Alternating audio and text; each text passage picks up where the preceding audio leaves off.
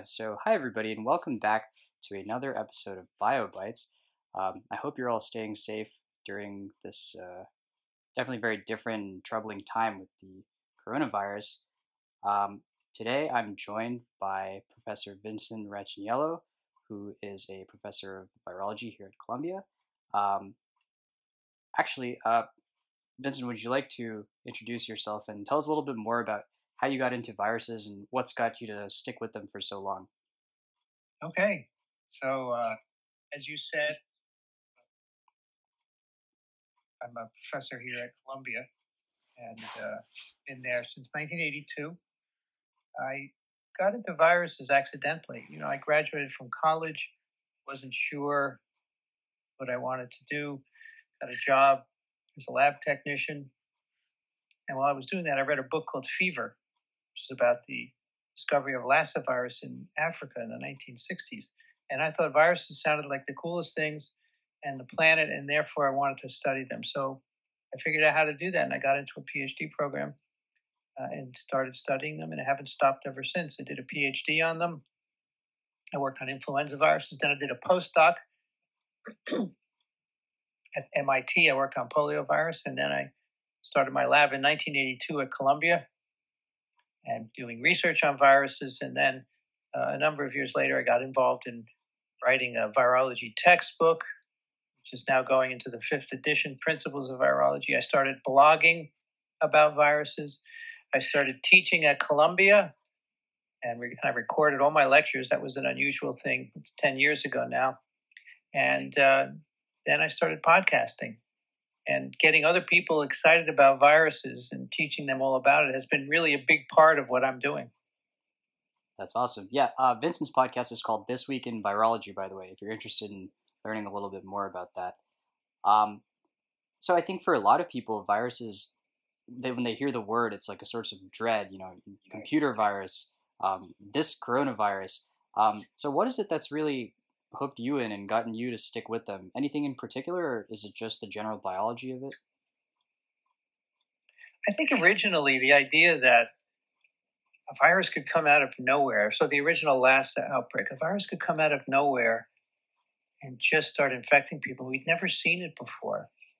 And I thought that was quite amazing. But over the years, you know, I've, as I've gotten to know viruses a lot better, there, there's so many aspects of them. First of all, that they're relatively small and just, just really a piece of nucleic acid wrapped in protein, sometimes a membrane, incredibly small, yet they get into a cell, which is what they need to do in order to make more viruses. They get into a cell and they completely turn it over to a factory for making new viruses. So I, I think that's really remarkable how that happens. Uh, and of course, our much of the interest in virology, I would say viruses were first discovered at the end of the 1800s. And for about 50 years, 60 years, I would say, most of the interest in viruses came from trying to figure out uh, viruses that make us sick. But now we realize there are many, many more viruses out there in us and around us in other living things that actually don't make anything sick.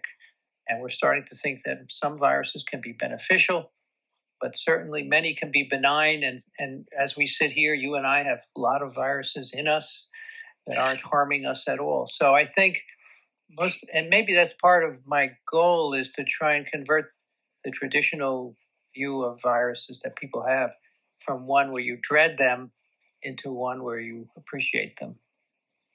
I see. Yeah, they're definitely very unusual, and I know there's, uh, you know, some debates about whether viruses are alive or not. Maybe something to get into a little later, or not.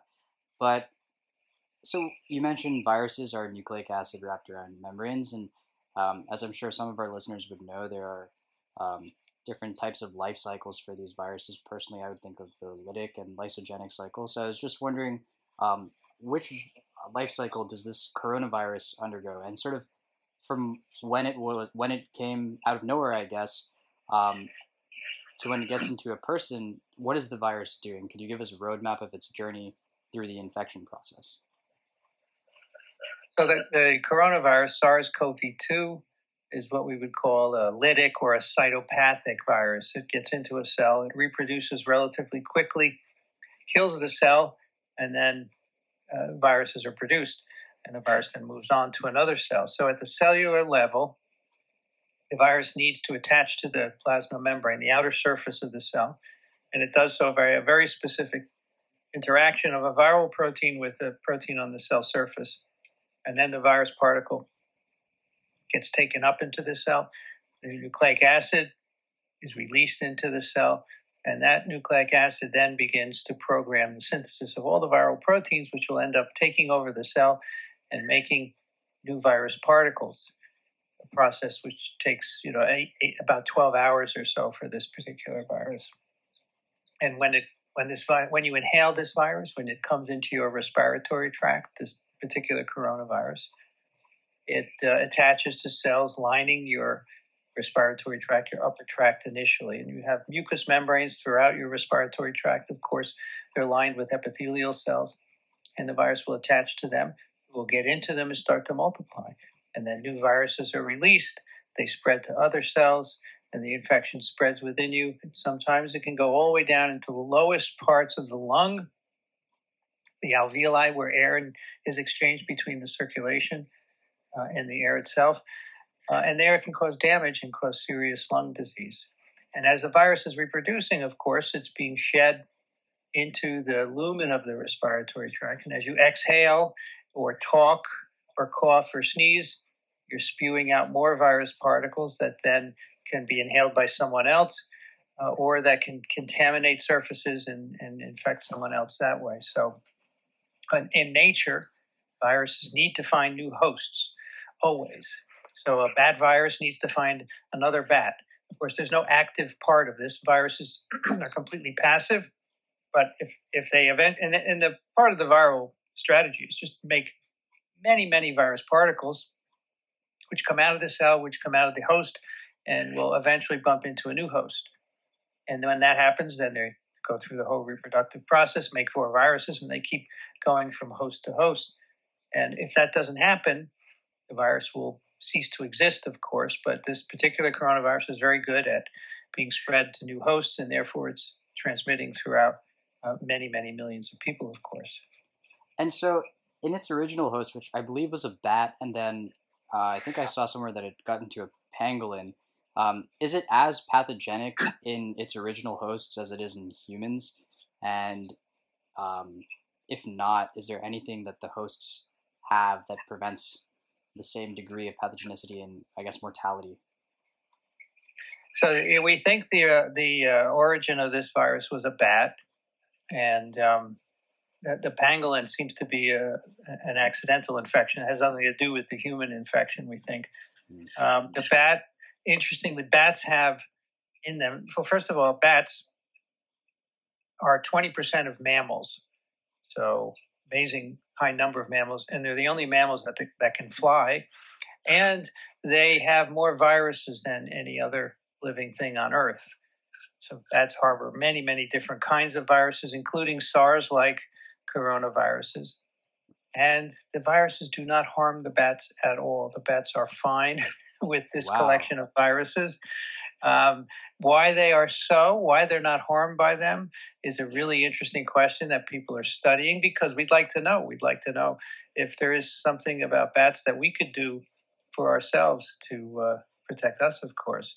We think that the reason the bats are, are, are not affected by viruses in, in part has to do with their ability to fly. Now, when, when you fly, flapping wings and you're generating a lot of oxygen radicals. And so your immune system has to take care of that. And we think that ability to take care of that uh, oxygen radical production during flight somehow uh, protects the bats from being sick.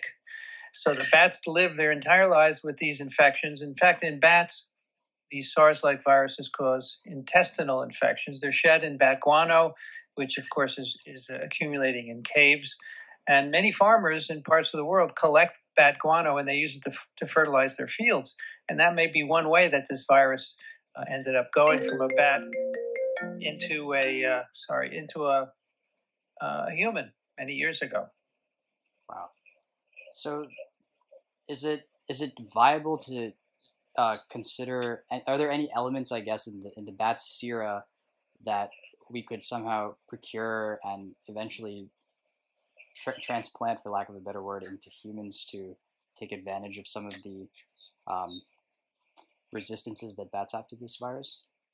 Probably not. Probably it's not something in serum that is transferable. It's more of a, a property of bat cells, their metabolic features, their immune system that makes them not re- overreact to the presence of a virus because you know our immune systems are very good at protecting us but sometimes they overreact and that's the case with SARS. The damage in the lung is in part because our immune system is a little bit over exuberant and bats don't do that. So it's a it's a it's an overall fundamental property of their immune system and not something that can be easily transferred to a human by serum.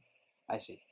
So there are tons of viruses, and I, they all have various degrees of how transmissible and, and infectious they are. And I was just wondering, um, what is it that sets CoV2 and specifically, uh, yeah, I guess CoV2 apart from, I guess, the flu, because there's this very common misconception that it's just a bad flu.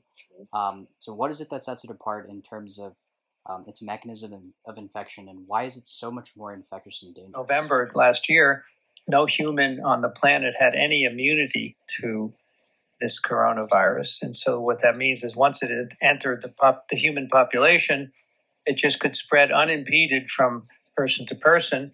And we see out of China through the rest of the world, uh, it's it's just spreading like crazy because there's no immunity to impede it. Now, in contrast, influenza viruses have been around for ages, and humans have good immunity to influenza viruses. And so, even though there are many, many cases of influenza each year, uh, they're still limited by our immune response. So, that's one reason why this is different. But the other one is that it's causing a lot of infections, and a fraction of those are very serious because the virus gets into the lung. Uh, and that's something that also influenza can do. It can cause deaths in a number of people. In fact, so far this season in the US, there have been 8,000 deaths uh, from influenza. Uh, but what is really insidious about this coronavirus is that about 80% of the people who are infected actually don't get very sick. And they can walk around quite healthy, or what they think is a cold or a, a minor influenza. And they're shedding virus and infecting other people. We call that community spread of infection. And that's the insidious nature of this coronavirus is that people are walking around spreading infection without being very ill as opposed to being in the hospital. And that's why we're restricting people from moving around to try and cut down on the number of infections. Um, for, of course, also for influenza, we have a vaccine available.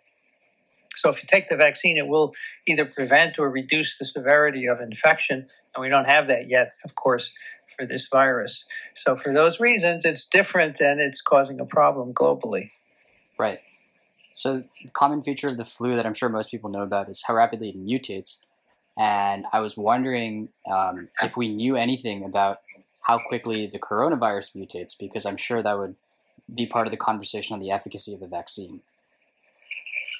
So, one thing that we should establish is that uh, all viruses mutate as they reproduce in a host. They make mistakes in the reproduction of the nucleic acid. They make mutations. Some of those mutations are lethal to the virus, so we never see them. Others are inconsequential. In the case of influenza virus, from year to year, the virus can change enough so that the vaccine is no longer effective. And we call that antigenic drift because proteins are changing enough to evade the immunity that's been developed against them. As far as we know, this does not happen with coronaviruses.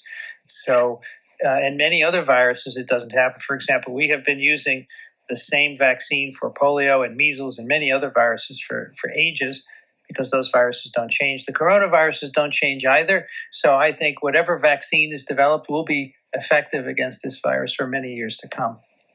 Right. And from a structural standpoint, um, I've read a little bit about this spike protein that uh, seems to give the virus its name and is a unique feature of it, um, and specifically the interaction that it has uh, with ACE2 receptors. Um, so, is that spike uh, a very unique feature of coronaviruses, and does it add anything to their transmissibility and pathogenicity?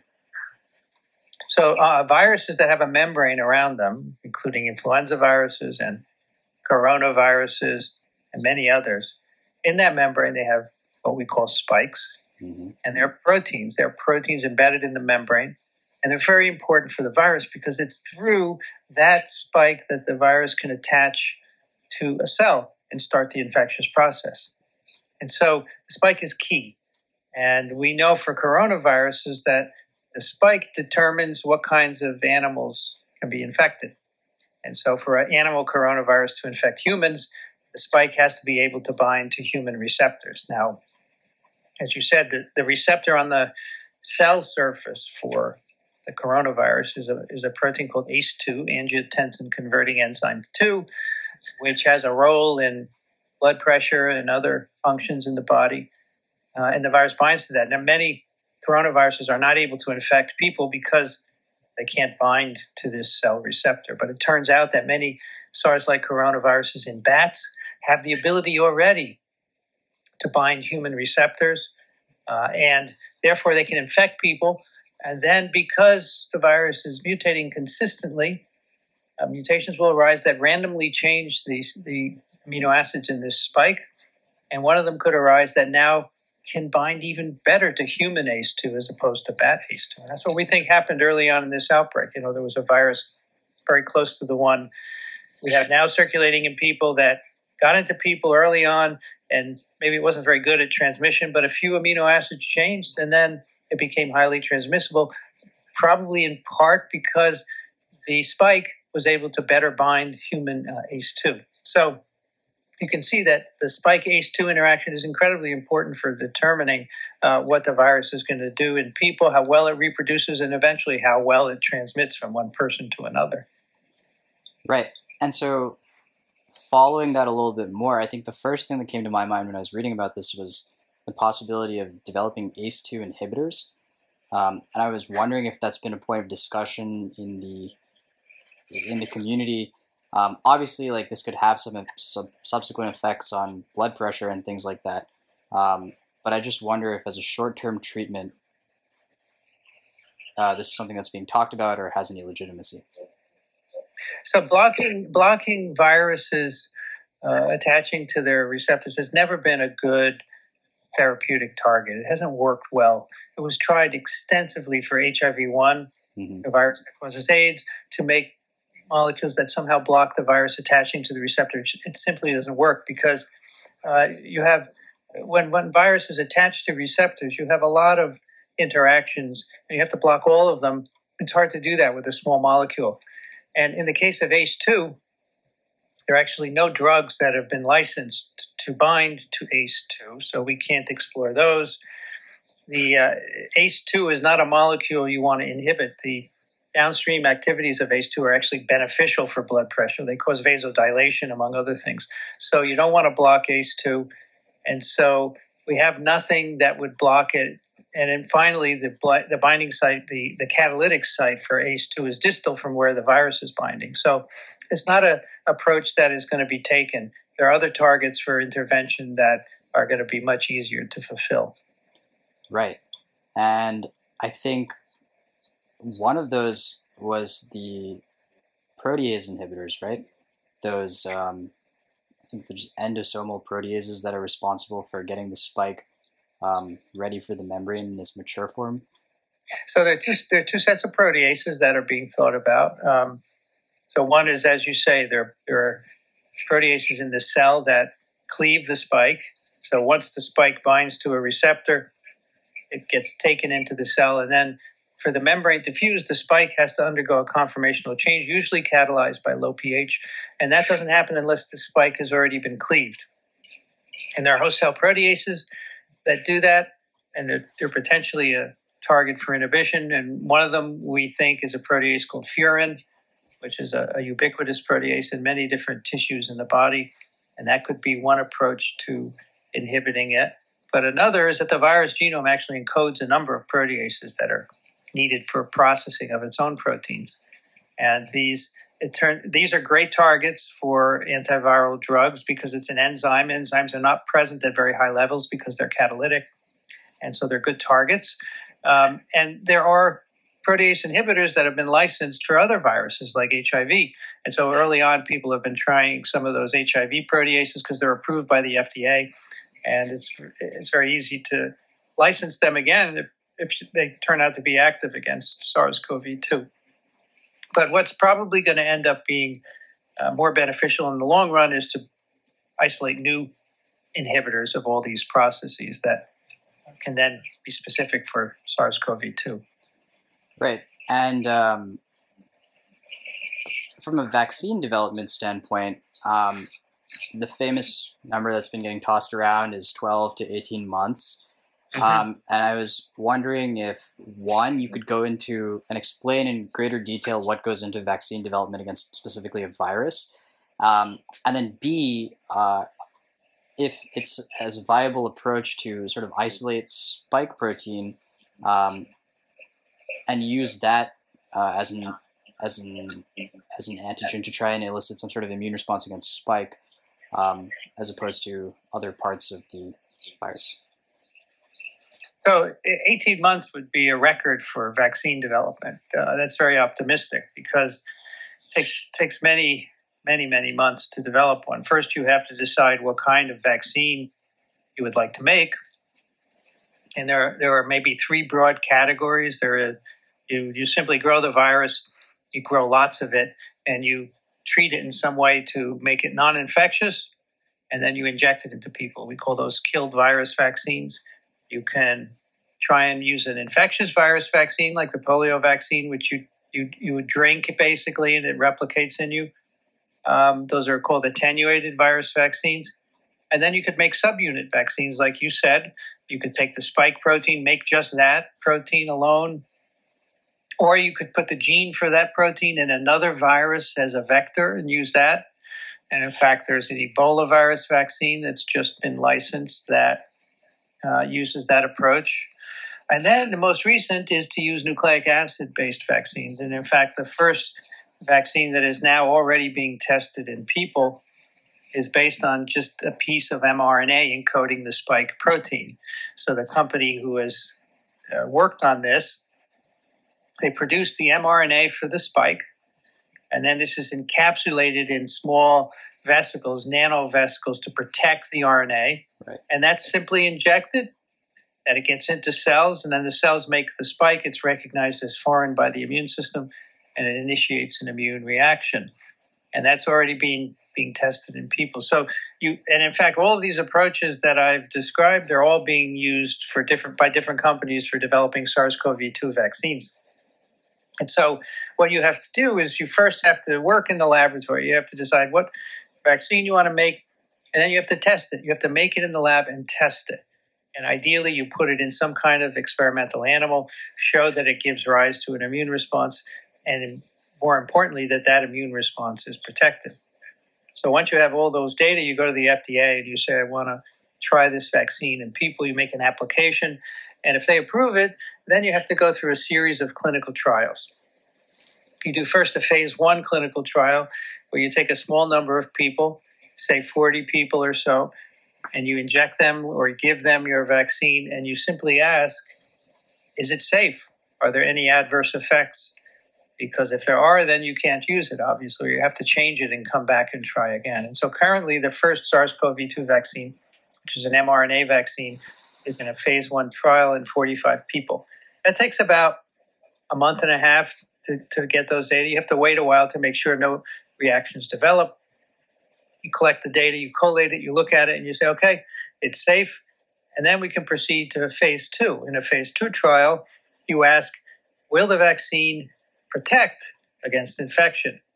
So, obviously, a main requirement to do that kind of uh, vaccine is you need to have the virus causing an outbreak. So, right now, we have an outbreak situation. And probably in May or June, when this vaccine and go to a phase two, there will probably still be an outbreak situation. So then you take larger numbers of people, half of them get the vaccine, half of them get a placebo, and then they go into the world, and then at intervals you check to see who's been infected. And then you compare the two groups and you see if the vaccine has reduced the number of infections. And if it's better than 30%, then it's possible to actually use that vaccine. Typically, we then go to a bigger phase three trial with more people and do the same kind of work.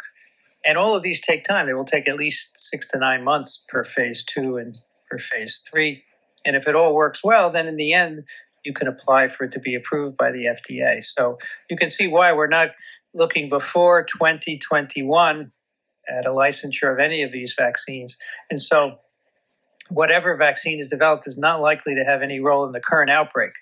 It may be useful for a future outbreak, but because it takes so long, and you may say, well, why does it take so long to do all this? Well, you have to make sure it's safe and works because there's nothing worse than putting a product into people that it harms them or doesn't work because it's, it's of no benefit to people. It can harm them, obviously, and it will impede future work in the same area uh, it, people will be reluctant to take another similar vaccine if they know that one has already caused problems. So, for that reason, we have to be very, very careful, and it takes a long time.